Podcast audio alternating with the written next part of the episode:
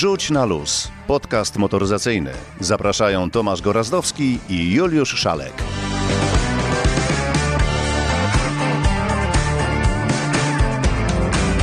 Dzień dobry, dobry wieczór. W końcu nie wiadomo kiedy to pójdzie. 140 odcinek podcastu Wrzuć na luz. 140. Który, który, który? 140. Ja cię to już 140? 140 tygodni. Bo nie mieliśmy chyba przerwy, prawda? Nie mieliśmy żadnej przerwy. 140 razy się widujemy, czy w śnieg, czy w upał, czy daleko, czy razem, czy Dzisiaj osobno. właśnie daleko, bo Ale rozmawiamy. Tak, ale rozmawiamy z wami z pod Bolonii we Włoszech, ponieważ jesteśmy na prezentacji nowej Kii EV9. Widzicie, jak Tomek nauczył się nie EV6, nie EV9, tylko Key EV9. Tak mówię, żeby było po prostu sprawniej, bo tematów jest całkiem sporo i znowu trzeba będzie ci uzdę ściągnąć Ale pod powiemy koniec o audycji. Key EV9? Powiemy. Ha, wspaniale, ale O te- powiemy także o... No, powiemy o kilku ważnych rzeczach, To ja, bo zostaję, ja zostaję we włoskim klimacie, gdyż jedzenie jest przepyszne, wino jeszcze lepsze i samochody włoskie zapierają dech w piersiach. Tomek robi teraz zdziwioną minę, bo nie ustaliliśmy tego, ale powiemy także o wersjach specjalnych Alfa Romeo krwi kości włoskiej marce. Powiemy też o Volkswagenie, w którym wcale nie dzieje się dobrze. Przeniesiemy się No i raz dobrze, raz nieco gorzej. Przeniesiemy się tuż, można powiedzieć, rzut beretem do Watykanu. No w końcu jesteśmy pod y, Bolonią. Poza tym dorzucimy takie fakty dotyczące Jarisa, drogówki, nowej ciężarówki elektrycznej. Antek zabierze nas w podróż do historii Porsche. Powiemy coś o Stellantisie. A powiemy coś o Izerze? A nie, bo nie ma żadnych nowych wiadomości. No i Tomek opowie nam o sztucznej inteligencji. Musimy się przyzwyczaić do tego, że coraz częściej będzie coś takiego, Że jeżeli chodzi sztuczna o inteligencja samochody. będzie? W samochodzie. Coraz częściej? W samochodzie. Dobrze, że zamiast nas nie usiądzie sztuczna inteligencja. Prędzej czy później pewnie usiądzie. No to raz, dwa, trzy, baba Jaga patrzy. Zaczynamy. Co ciekawego w świecie Boto? To ja mam na początek y, takie spostrzeżenie, wątpliwość i w zasadzie prośbę. Może byśmy spróbowali kiedyś, y, jak brzmiałyby nasze głosy wygenerowane przez sztuczną inteligencję? Mm, Będą brzmiały dokładnie tak samo jak, jak te nasze prawdziwe, ale adrem. Adrem. Y, No to zaczynamy od Volkswagena, u którego dzieje się raz gorzej, raz lepiej i od czego zaczynamy? Od dobrej wiadomości czy złej wiadomości? Ja bym proponował, że skoro jesteśmy jednak pod Bolonią i jesteśmy tu z powodu EV9, to zacznijmy jednak, jak Pan Bóg przykazał, od EV9. Myślałem od Alfa Romeo, że zaczniemy, ale dobrze, no niech ci będzie. Gorąca premiera. EV9, gigantyczny samochód, 5 metrów długości. Dobrze, ponad 5 metrów długości. Mówiliśmy o założeniach tego samochodu jakiś czas temu, kiedy byliśmy na prezentacji takiej e, statycznej, bez możliwości pojeżdżenia tym samochodem.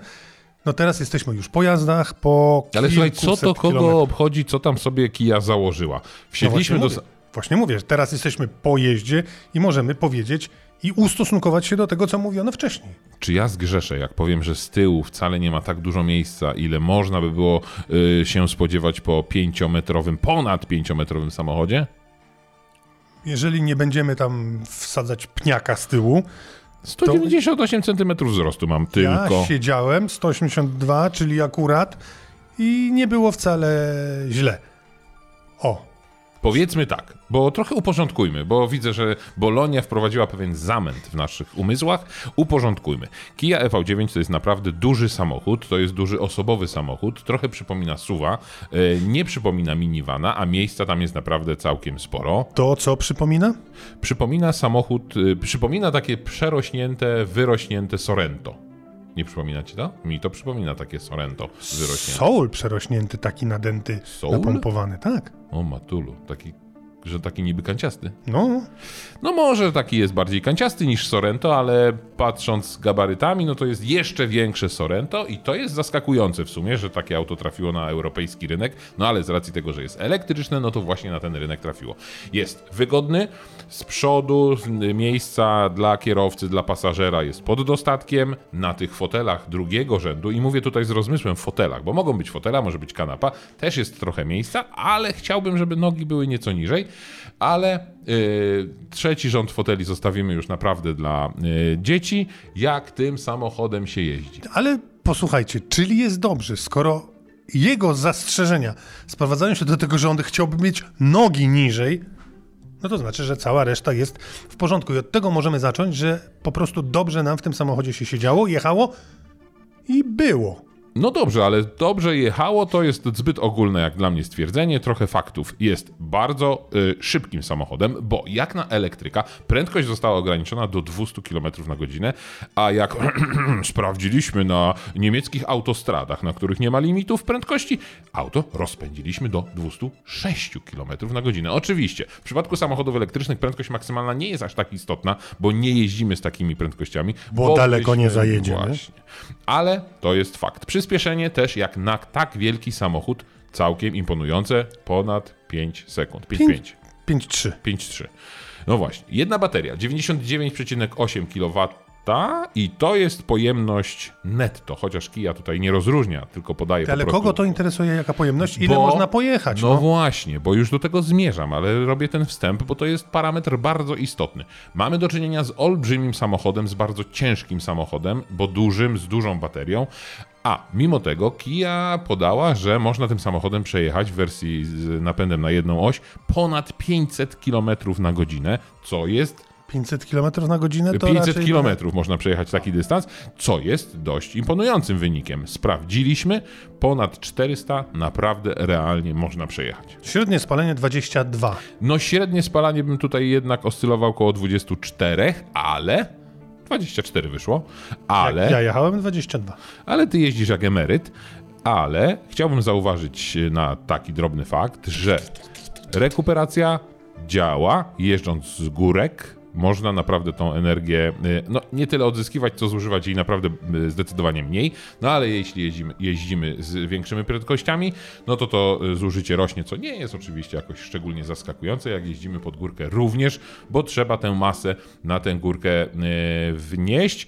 Reasumując, biorąc pod uwagę gabaryt samochodu, to, to, to zużycie 24, nawet w przypadku Tomka 22, y, to jest dobre zużycie e, dobre. energii. To jest naprawdę y, dość dobre zużycie energii, oczywiście biorąc pod uwagę na gabaryty. A więc szybko, wygodnie, bo bardzo wygodne siedzenia, fajne. Materiały. Takie, tak, drobiazgi, bo na przykład przefantastyczny zagłówek. Tak, bo mówimy o tych drobiazgach, bo spędziliśmy w tym samochodzie, y, no drugi dzień już spędzamy i przejechaliśmy kilkaset kilometrów i tak, drobiazgi są ważne, y, wa ważne i poręczne są schowki, nie ma, y, nie brakuje Duże. tego. Już o plusach powiedzieliśmy, teraz czas na minusy? No, z plusach jeszcze dodalibyśmy y, te materiały, które mimo, że pochodzą z recyklingowanego plastiku, Są to jednak okazuje się, że są fajne, miękkie, dopasowane, nietrzeszczące. No, y, bardzo przyzwoite wrażenie. Dobrze wyciszone wnętrze przy wyższych prędkościach, a pozwalaliśmy sobie czasami na prędkości autostradowe y, cisza. Zastrzeżenie mamy, trzeba jeszcze dopracować reflektory. Tutaj europejska konkurencja trochę odskoczyła. Nie są one tak jasne, nie są one, nie tworzą one takiego e, takiej przestrzeni oświetlonej przed samochodem, tak idealnie równej. No i brakuje jednej podstawowej rzeczy doświetlania zakrętów. Na tych górskich serpentynach czasami by się to przydało, bo system wycinania y, punktów świetlnych to wszystko tutaj działa. Bardzo fajnie działa y, iPedal, czyli ta funkcja rekuperacji z możliwością takiego naprawdę mocnego wyhamowania. Trzeba tego się nauczyć, żeby korzystać z tego. Wtedy naprawdę już hamulca nie musimy y, używać. Mamy oczywiście tryb sport, tryb eko. O minusach miało być. Miało być o minusach. No to te światła, mm, teraz mi wypadło z głowy, a miałem jeszcze jedną drobną uwagę, zastrzeżenie, ale to jak sobie przypomnę, to na pewno o niej powiem. No i na koniec powiedzmy o kto wie, czy nie największym plusie tego samochodu, a tym plusem jest cena. Jeżeli porównamy, weźmiemy do porównania samochody zbliżone klasą, wielkością, samochody elektryczne, które na polskim rynku są, to co nam wychodzi? Otóż wychodzi nam, że Kia znakomicie wyposażona w wersji podstawowej, porównywalna z samochodami, które do tego porównania są y, użyte, a to może być nowe elektryczne duże Volvo, a to może być BMW iX, a to może być y, Tesla Model X. tak, Audi e-tron. to jest samochód tańszy o mniej więcej No to ty mówisz tam 30%. mniej więcej, mniej więcej. No Proszę widzę, bardzo, że ty już porównana, porównana, porównywalna Tesla y, Model X kosztuje 555 tysięcy, chociaż mówię, to są ceny y, zrównanego wyposażenia y, względem Kii, bo Model X kosztuje nominalnie 484 tysiące złotych. BMW iX y, 541 z porównywalnym wyposażeniem, y, EQE SUV, no to jest już 579, y, Audi e-tron Q8 520 i Volvo EX90 to jest już granice 500 tysięcy, Jak się pojawi. A ile kosztuje? 320 w podstawie. No właśnie. No, y, z tych minusów, z tych uwag drobnych, y, to y, mało precyzyjny układ kierowniczy. On jest y, normalnym układem kierowniczym wspomaganym elektrycznie. Nie daje takiego jakby poczucia y, pewności, stabilności przy takich szybkich jazdach i mocniejszych zakrętach. I ja bym się przyczepił do tego, chociaż to jest no, wpisane w naturę samochodów elektrycznych, jednak czuć tutaj tę dużą masę. 21 y, koło, w podstawie jest 19, więc wtedy jest większy balon to tłumienie nierówności byłoby mocniejsze, ale zdecydowanie myślę plusy przewyższają minusy i warty ten samochód jest y, rozważny. 320 tysięcy. Kia planuje sprzedawać 1000 samochodów takich, tych elektrycznych miesięcznie.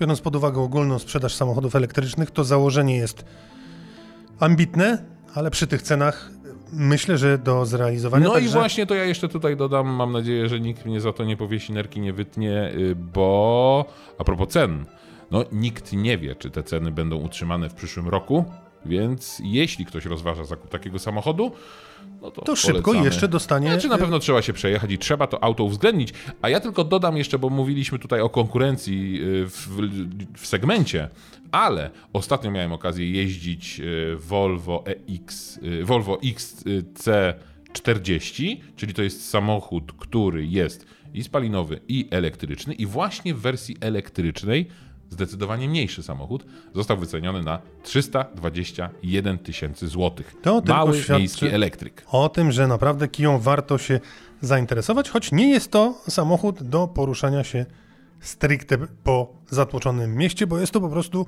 Kolos. duża Kolos. fora, a już po włoskich, wąskich uliczkach to już w ogóle. No to teraz ogólnie o świecie. Dwóch i czterech kół. To załatwiliśmy kije, to teraz możemy przejść, proszę bardzo, tak jak chciałeś, do Volkswagena. W Volkswagenie dzieje się różnie. Zaczynamy od dobrej czy od złej wiadomości? Oczywiście, że od złej. Od złej. No to hmm, Volkswagen ogranicza produkcję samochodów elektrycznych, mój drogi. Samochodów elektrycznych. Znowu coś idzie nie tak. Tłumaczenie są y, różne. Czasami mówi się o konieczności zwolnienia tempa, czasami mówi się o, tak było w przypadku ostatniego zwolnionego tempa produkcji, o jakichś hakerach. Teraz mówi się oczywiście o zerwanych łańcuchach dostaw. W każdym razie produkcja jest nie na takim tempie, jakby sobie Volkswagen y, życzył, i tutaj pojawia się spiskowa teoria, która mówi, że skoro Volkswagen Skoro Volkswagen nie sprzedaje tak dużo samochodów elektrycznych, jak zamierzał i jakby chciał, to trzeba hamować produkcję samochodów również spalinowych. O tym niewiele się mówi, ale ta produkcja też gdzieś tam nie idzie y, pełnym tempem, no bo przecież, no bo przecież za mm, przekroczone limity emisji trzeba płacić, a to są niemałe kwoty, bo to jest 99 eurocentów za jeden rozpoczęty gram yy, To przekroczony. idzie w miliardy. To idzie w miliardy przy skali biznesu, to idzie w miliardy w Europie, a kto wie, kto wie, y, jak y, globalnie to by wyglądało, no ale oczywiście te limity liczone są dla poszczególnych krajów, więc no, można sobie to y, jasno policzyć, ale są też dobre wiadomości, bo 40 nowych elektrycznych samochodów trafi do Do Watykanu. tak się dogadali i komunikat głosi, że Volkswagen przekaże 40 samochodów y, do, y, do Watykanu. Przekaże? Sprzeda? Hmm, ciekawe co? Za błogosławieństwo Kogo będą błogosławić? Volkswagena. Papież Franciszek będzie błogosławić? No może będzie błogosławił. Y, W każdym razie to będą samochody ID3 i ID4, czyli te najmniejsze. No bo takimi zwykłymi, skromnymi samochodami muszą jeździć urzędnicy papiescy, tudzież urzędnicy watykańscy, tudzież po prostu księża. Annuntio vobis gaudium manium. A Mamy nas- nowe Volkswageny. No ale zobacz, tak sobie patrzę i szukam analogii. Zobacz, u nas też bezdomni rozdawali samochody niektórym księżom, a I to jakie? Volkswagen Nie tam rozdaje. najmniejsze Volkswageny, No tylko no największe. Czy jeszcze w kręgu Volkswagena będąc, możemy jedną informację, y, bo to jest myślę, myślę najistotniejsza informacja dla miłośników marki, ale też dla osób, które szukają dużych, normalnych, spalinowych samochodów, więc zostawmy te elektryki na chwilę.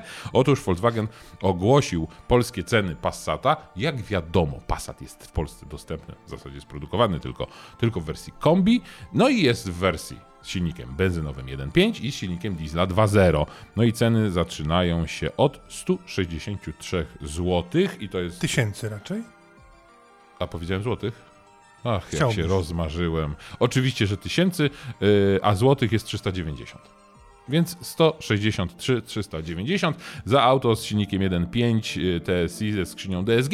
DSG w standardzie. DSG. Innej nie ma. No więc ta cena, no można powiedzieć, że te- wersje wyposażenia są już takie, że tam niewiele można czy trzeba dołożyć, bo i jest oświetlenie LEDowe i są wszystkie te ws- yy, wspomagacze.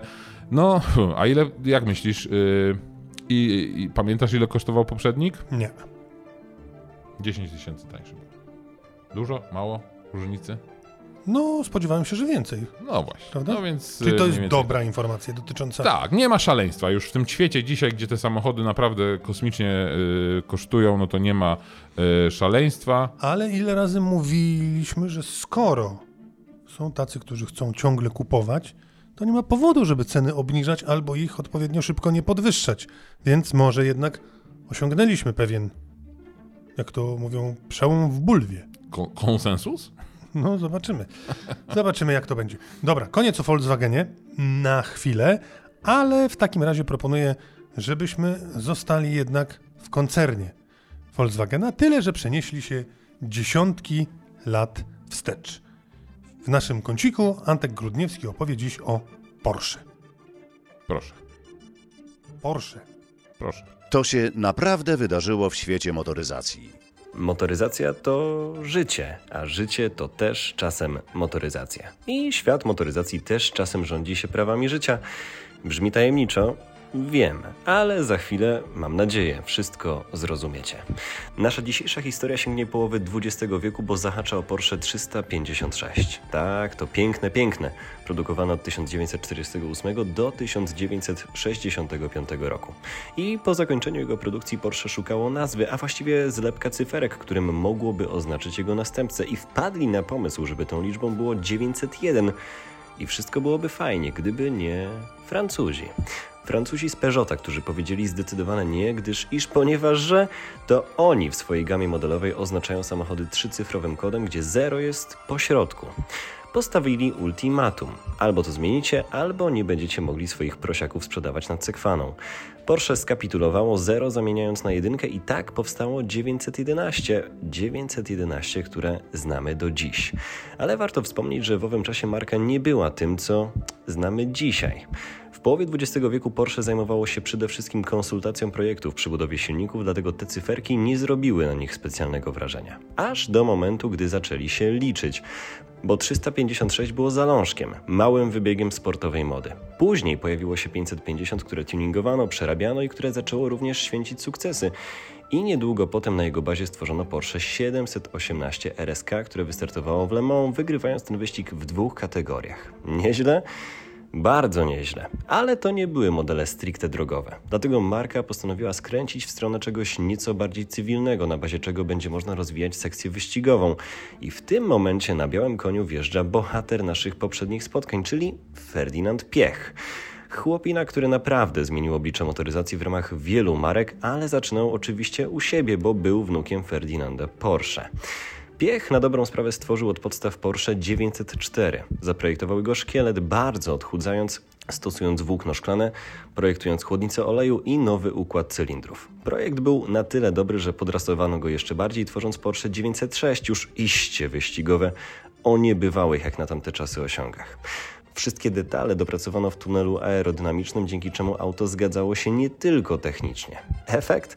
Mamy 1966 rok, w którym Porsche 906 zwycięża wyścig Daytona, Sebring, Monza Spa i Nürburgring. Pewnie powiecie teraz, fajnie, ale przecież nie wygrało w Le Mans, bo wtedy Ford rozłożył wszystkich na łopatki. Owszem, to prawda, ale niewiele osób pamięta, że drugiego miejsca i następnych miejsc nie zajęło Ferrari, ale właśnie Porsche 906. Wnioski? Za sukcesem marki, z której piech został na dobrą sprawę wykopany, stoi przede wszystkim on. I gdyby nie te sukcesy, losy Porsche mogłyby potoczyć się zupełnie inaczej. No właśnie, jak ktoś się interesuje motoryzacją, to jak spojrzy tam to 901, 911, 950 i co z tego wyszło, no to wszyscy wiemy. A czy ja mogę zostać w koncernie również? I w Polsce nawet bym został? Chciałem tak połączyć chciałbym kropki. Proszę, chociaż chciałem cię przenieść, chciałem cię przenieść do Stellantisa. A to za chwilę przeniesiemy się do Stellantisa, czyli już w zasadzie nie wiadomo, czy do włoskiej marki, do amerykańskiej marki, do francuskiej marki, zarządzanej przez pana e, o nazwisku Tavares, ale zostając w koncernie Volkswagena i zostając w Polsce, to strzeżcie się wszyscy ci, którzy mają ciężką nogę, bo otóż policja polska wybrała się na zakupy i kupiła Skody Super. Ha, takie o mocy 280 koni mechanicznych. Wartość przetargu 22 miliony złotych. Wiesz, ile Co to jest? Co to jest 22 miliony? No, y, ale nie tylko superby, bo to jest 17 superbów, a 83 skale. Taka Skoda skala. Mhm. Jest jeszcze coś takiego, więc takie samochody będą jeździły. Oznakowane? Będą i oznakowane, i nieoznakowane, będą z radarami, fotoradarami i bez fotoradarów. No więc zobacz, jak to się zmienia. Kiedyś polska policja słynęła z tego, że jeździ czym? Transporterami. Samochodami typu Vento, pamiętasz, Bora, później Passaty. A teraz policjanci przesiedli się na Czym to Skody. policja nie jeździła? O, w Poznaniu był W124, ale rozbili były. dziady. Volkswageny były, Kije Alfy były. O, i to jest moment, żeby przejść do Fiaty Alfy. były. Fiaty, no to zawsze były Fiaty. Były. Przejdź do Alfy w takim razie. Niesamowita historia. No to przechodzę do Alfy i okazuje się, że e, no właśnie, Alfa, cóż mamy, jakie mamy modele Alfy, powiedz mi na sprzedaż. Idziesz, zamarzyłeś sobie, ja bym chciał jednak włoską motoryzację, Włoszczyznę, proszę bardzo. Stelvio. No i Julię. No. No i wybór już w zasadzie wyczerpaliśmy. Ale czasami wiesz, no, nieważna więc jest, Włosi. nieważna jest liczba, nieważna jest ilość. Czasami ważna jest jakość. Nie, mój drogi, ważna jest gama, ważna jest oferta, a ze Stelvio i z Julią nie zawojujemy tutaj yy, światowych rynków. No ale Alfa cały czas yy, próbuje i uważaj, wypuszcza, a w tym są Włosi świetni i genialni, limitowaną edycję Tributo Italiano. No i co tak zamilkłeś? No bo co oni tam zmienili? Linię zderzaka? Yy, nawet mniej. Kolor, logo, grafika, znaczek. W sportowy styl. Będzie bardziej sportowa alfa. Pięknie. Dwukolorowe nadwoja. To jest e, taki e, znak rozpoznawczy i body kit. Jak? Body kit. Czyli coś więcej niż zmieniona linia zderzaka. No i wtedy z takim bodykitem, z, takim, e, z takimi do, dodatkami, nowymi logotypami, w dwukolorowym nadwozie. Można zażyczyć po sobie o- zażyczyć sobie No, zdecydowanie więcej, co oczywiście Alfa zrobiła, wykorzystała, no i czeka na klientów, którzy dadzą się na to nabrać. A co? No bo Alfa to koncern Stellantis. Stellantis. No właśnie, a co w tym Stellantisie, o co tam w ogóle chodzi? Słuchaj, Rozmawiałeś? Stellantis- Wiedziałeś? Dowiedziałeś się czegoś? Dowiedziałem się, zapytałem, bo okazuje się, i to skłoniło mnie właśnie do takiego głębszego zastanowienia się, że Stellantis wyrasta tutaj na koncern, który jest największy, skupia najwięcej marek i w sumie trudno je wszystkie zliczyć. I to zadajmy sobie pytanie, czy to dobrze, czy źle? Nie wiem tego, czy to No dobrze, czy to źle, my możemy to ocenić, ale zastanowiła mnie jedna ważna informacja, bo otóż właśnie koncert Stellantis ogłosił 12 nowych premier, tylko i wyłącznie w kategorii samochodów dostawczych i z taką myślą poszedłem do rzecznika prasowego marki czy koncernu Stellantis i zapytałem go, jak to jest, czy teraz będzie tak, że nie będziemy mówili o premierach poszczególnych marek, tylko będą to premiery globalne całego koncernu, bo trochę mam wrażenie, że mówi się bardzo mocno o Stellantisie, a gdzieś te marki jakoś tam sobie y, dryfują y, na redzie. No więc zapytałem Wojtka Ososia, jak to jest z tym Stellantisem i ile marek y, jest w koncernie, jakie są plany i jak to wszystko będzie wyglądać. Stellantis ma bardzo duże portfolio bardzo znanych i mm, można powiedzieć śmiało ikonicznych marek. Jest ich 14 w tej chwili, jeśli mówimy o markach samochodowych. Oczywiście dochodzą do tego jeszcze marki e, firmy związane czy to z finansowaniem, czy z mobilnością. Może wspomnę o czymś innym w tym kontekście, dosyć e, wydaje mi się ważnym, e, jeśli chodzi o firmę Stellantis, a mianowicie o programie Dare Forward 2030. To jest plan strategiczny, który ogłosiła spółka i w tym planie strategicznym jest jasno określony kierunek, w którym e, firma zmierza. Tak? E, przede wszystkim chodzi o to, że chcemy być firmą bezemisyjną. Zmierzamy w kierunku elektryfikacji i oferowania e, właśnie no, takich czystych napędów. Jednocześnie stajemy się firmą technologiczną oferującą mobilność. Idziemy z duchem czasu, zmierzają ku temu, żeby właśnie osiągać cele założone w tym planie strategicznym. E, także e, to, co dotyczy już bezpośrednio w tym momencie naszego rynku, e, jest to myślę, że widoczne. Coraz więcej wprowadzamy samochodów elektrycznych, zelektryfikowanych. Mamy naprawdę bardzo szeroką ofertę. Tu z kolei warto wspomnieć, że niedawno, bo parę dni temu, jako Stellantis przedstawiliśmy chyba bezprecedensowe wydarzenie to w ogóle było, bo nie przypominam sobie, a już dosyć długo pracuję w motoryzacji, żeby któraś firma przedstawiła jednocześnie 12 e, nowych modeli, a właśnie Stellantis to zrobił. Chodzi o samochody dostawcze. Przedstawiliśmy e, całą odświeżoną gamę 12 e, modeli marek takich jak Opel, Vauxhall, Citroën, Peugeot i Fiat.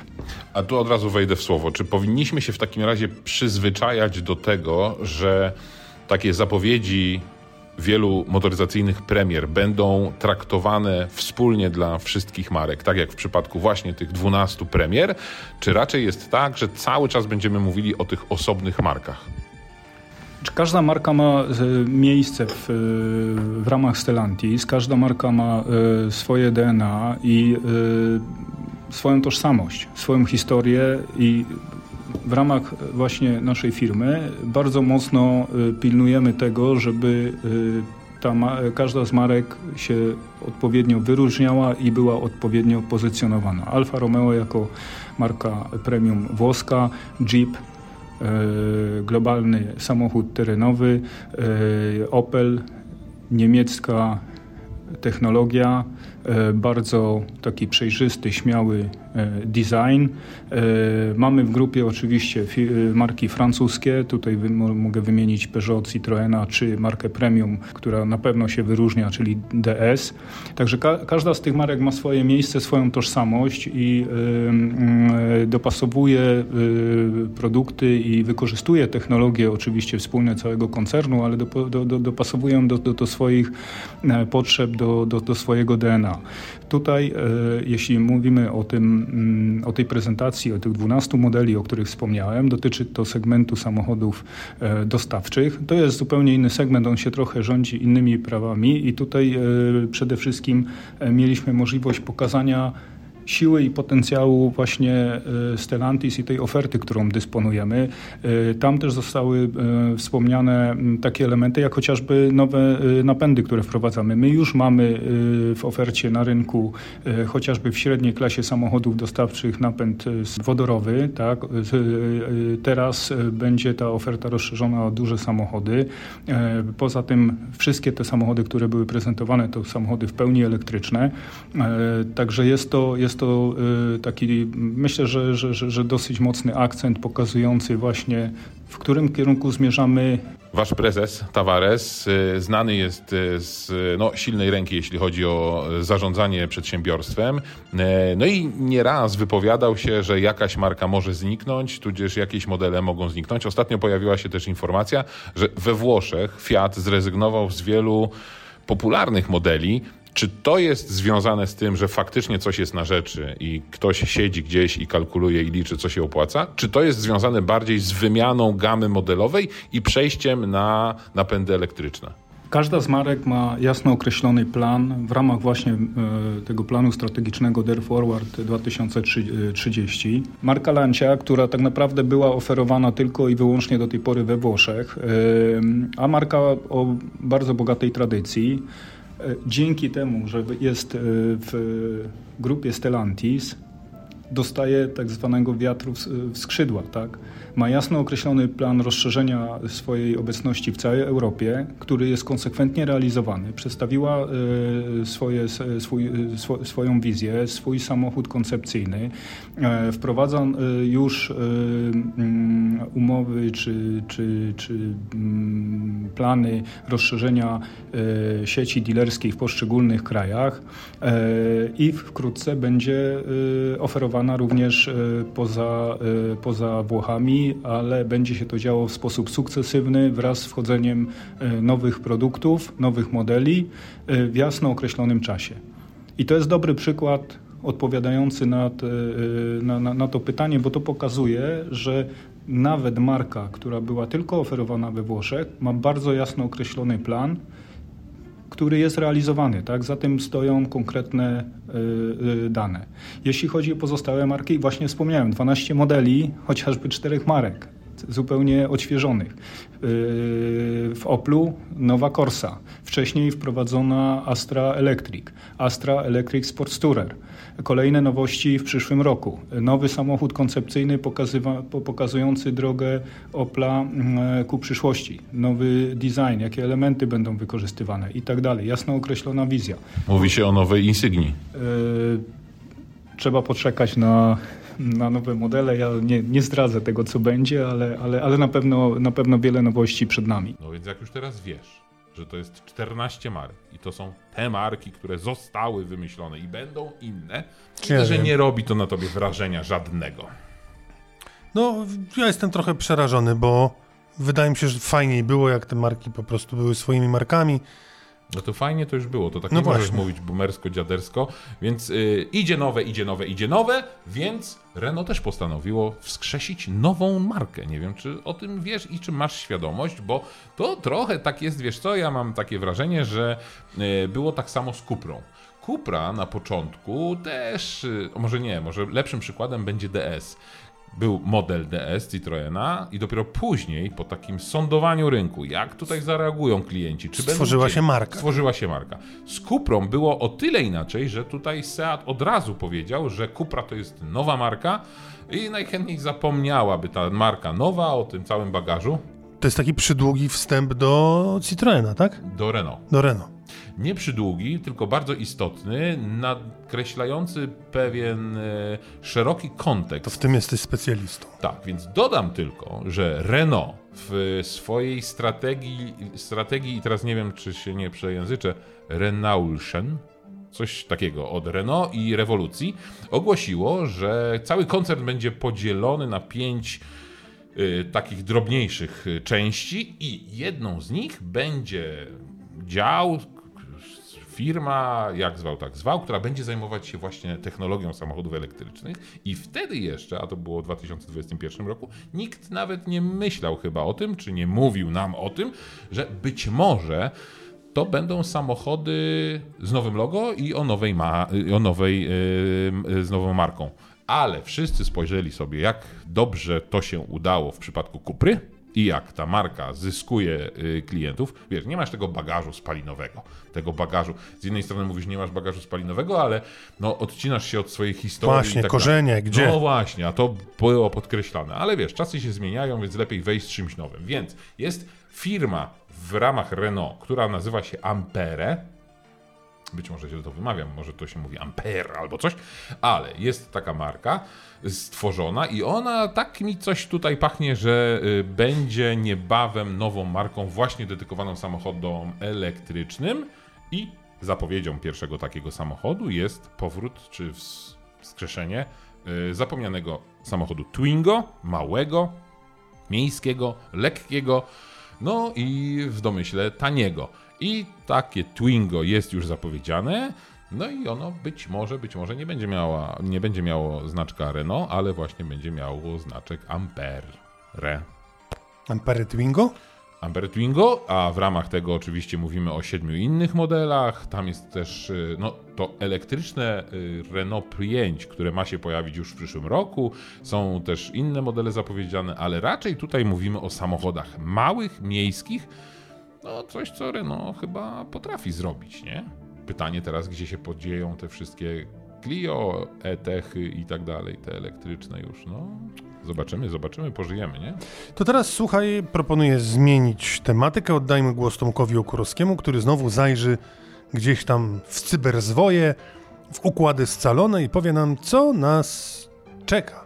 A może co, albo z czym już mamy do czynienia. Chyba gwiazdor, będzie. Gwiazdor niedługo, to nas czeka. Chyba będzie o sztucznej inteligencji w samochodach, w nawigacji i w ogóle w dogadywaniu się z autem. Okurowski o technologii. Dawno dawno temu. Tak można zacząć bajkę, ale tym razem to nie będzie bajka, a historia nawigacji. I to mm, historia nawigacji sięgająca naprawdę dawnych czasów, bo początków automapy, kiedy jeszcze była na takich urządzeniach jak Palm Top. No, dobre pytanie, czy ktoś jeszcze z Was pamięta Palm Topa? Otóż e, w tychże dawnych czasach już automapa potrafiła ostrzegać przed tym, że zbliżamy się do miejsca, w którym na przykład dochodzi do częstych wypadków, innymi słowy, zbliżamy się do miejsca tak zwanego niebezpiecznego. Z czasem dołożono czarne punkty, czyli zbliżaliśmy się do tych miejsc, które GDDKiA, czyli Generalna e, Dyrekcja Dróg Krajowych i Autostrad, klasyfikowała jako takie miejsca szczególnie niebezpieczne, w których dochodzi no, do wyjątkowo dużej liczby groźnych zdarzeń, czyli innymi słowy wypadków i kolizji. Po automapie przyszła pora na nawi eksperta, który również ostrzegał tak, o zbliżaniu się do takich niebezpiecznych miejsc. Zupełnie inne, ciekawe spojrzenie na kwestie niebezpiecznych miejsc e, pokazał przed laty Becker, czyli w nawigacjach z e, systemu Windows C, co się okazuje, była również funkcja ostrzegania o tym, że zbliżamy się do miejsc, w których, uwaga, dochodzi często do przestępstw wedle danych policyjnych, jeżeli chodzi o statystyki. Czas na nowe podejście, jeżeli chodzi o ostrzeganie o zbliżaniu się do miejsc niebezpiecznych. Czy kojarzycie aplikację Waze? To jest, jakby na to nie spojrzeć, e, można użyć takiego określenia, taki międzynarodowy janosik, ale tak naprawdę Waze był wcześniej niż janosik. To jest izraelski pomysł na aplikację dla kierowców i to aplikację, która po pierwsze służy jako nawigacja, po wtóre służy jako ostrzegacz dla kierowców, a po trzecie, jest to również ostrzegacz z funkcją wysyłania zgłoszeń, czyli tak jak e, dobrze znamy e, z Janosika. Otóż Waze, by znacząco wyprzedzić konkurencję, jeżeli chodzi o funkcję ostrzegania, zaprzęgnął do pracy m.in. sztuczną inteligencję oraz wykorzystał bazę danych od swoich użytkowników, czyli innymi słowy zgłoszeń, które użytkownicy tejże bardzo popularnej aplikacji wysyłają mnóstwo każdego dnia. Otóż z statystyk Waze wynika, że uwaga, średnio co dwie sekundy na świecie ktoś zgłasza wypadek czy kolizję. Także to jest tego naprawdę, jak widać, zadziwiająco dużo albo całkiem sporo, co akurat no, nie powinno nas cieszyć, tylko martwić, e, bo im mniej wypadków na drogach, tym generalnie lepiej. No, ale co dwie sekundy jedno zgłoszenie, no to jest to zdecydowanie powód do niepokoju.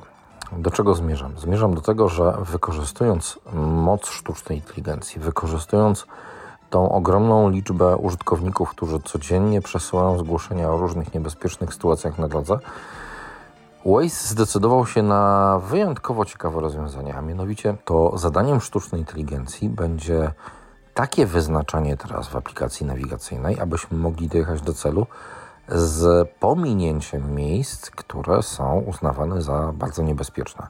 Co więcej, Waze będzie prognozował prawdopodobieństwo wystąpienia wypadku czy ewentualnie kolizji na drodze, uwzględniając również nie tylko te dane historyczne, ale także natężenie ruchu, e, warunki pogodowe, czyli e, w skrócie będzie szacował, kiedy i o której godzinie może dojść, czy w jakich warunkach może dojść do kolizji na trasie, którą zmierzamy.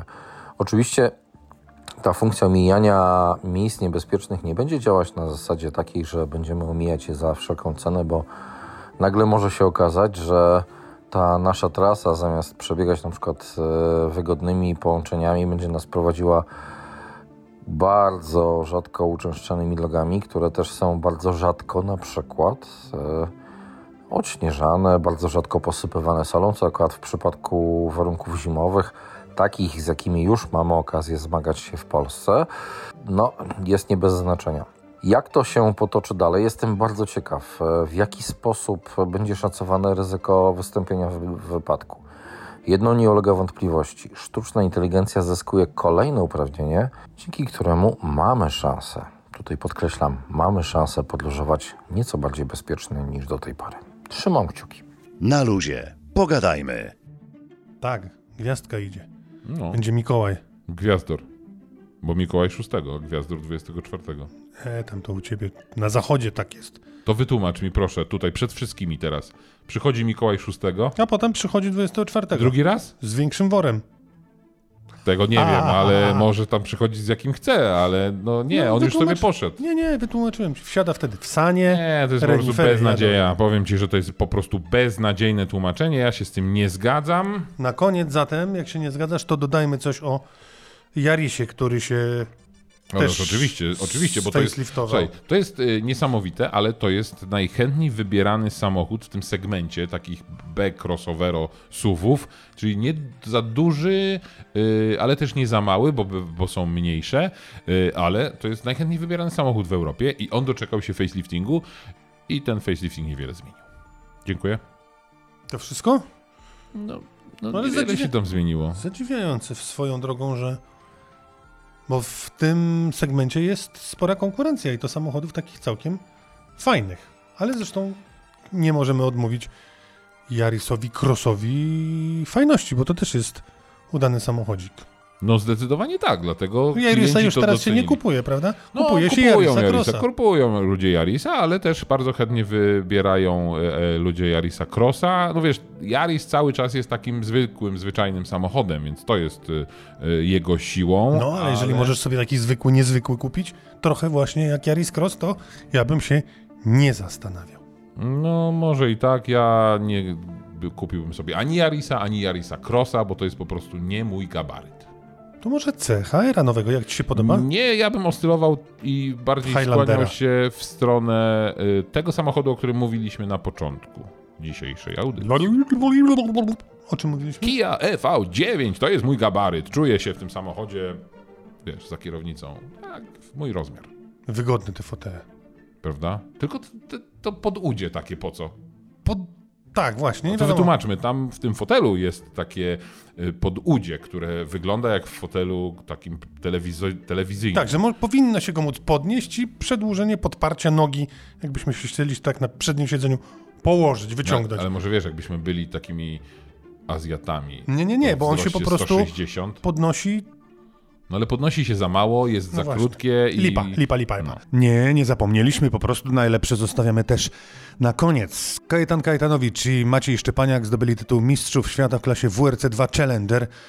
No i brawo, po latach prób, po podium jednym, drugim, trzecim, po przegraniu Mistrzostwa Świata o 3 sekundy w końcu jest tytuł mistrza. Posłuchajmy Kajetana Kajetanowicza na gorąco na mecie rajdu Japonii, który skończył się w ten weekend. Brawo panowie, brawo.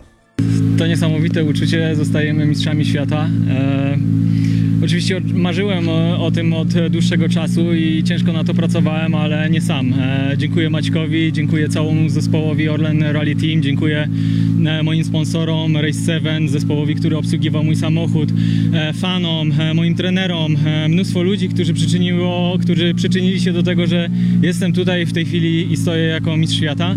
E, oczywiście niewiele to zmienia w moim życiu, nadal mam nadzieję będę tym samym gościem, e, którym jestem po zdobyciu czterech tytułów mistrza Polski, trzech tytułów mistrza Europy, ale brakowało tytułu mistrza świata. Teraz e, jest e, ten tytuł. Dziękuję oczywiście mojej żonie, która e, daje mi wielki support każdego dnia, jest bardzo cierpliwa, jest brylantem kobietą. Także to jest sukces nas wszystkich. Dziękuję Wam bardzo. Niesamowite uczucie, jesteśmy mistrzami świata. No i w ten sposób pięknie dobrnęliśmy do końca 140 odcinka Wrzuć na luz. Myślę, że słowo dobrnęliśmy jest kluczowe dzisiaj. Jak się dobrze wszystko poukłada, to za tydzień spotkamy się z okazji 141 odcinka. Powiedzcie innym, znajdźcie nas na Facebooku, wrzuć na luz. 2,5 tysiąca polubień już mamy, w związku z tym I będzie więcej, bo niedługo wrzucimy informacje i relacje z naszych testów Kiją.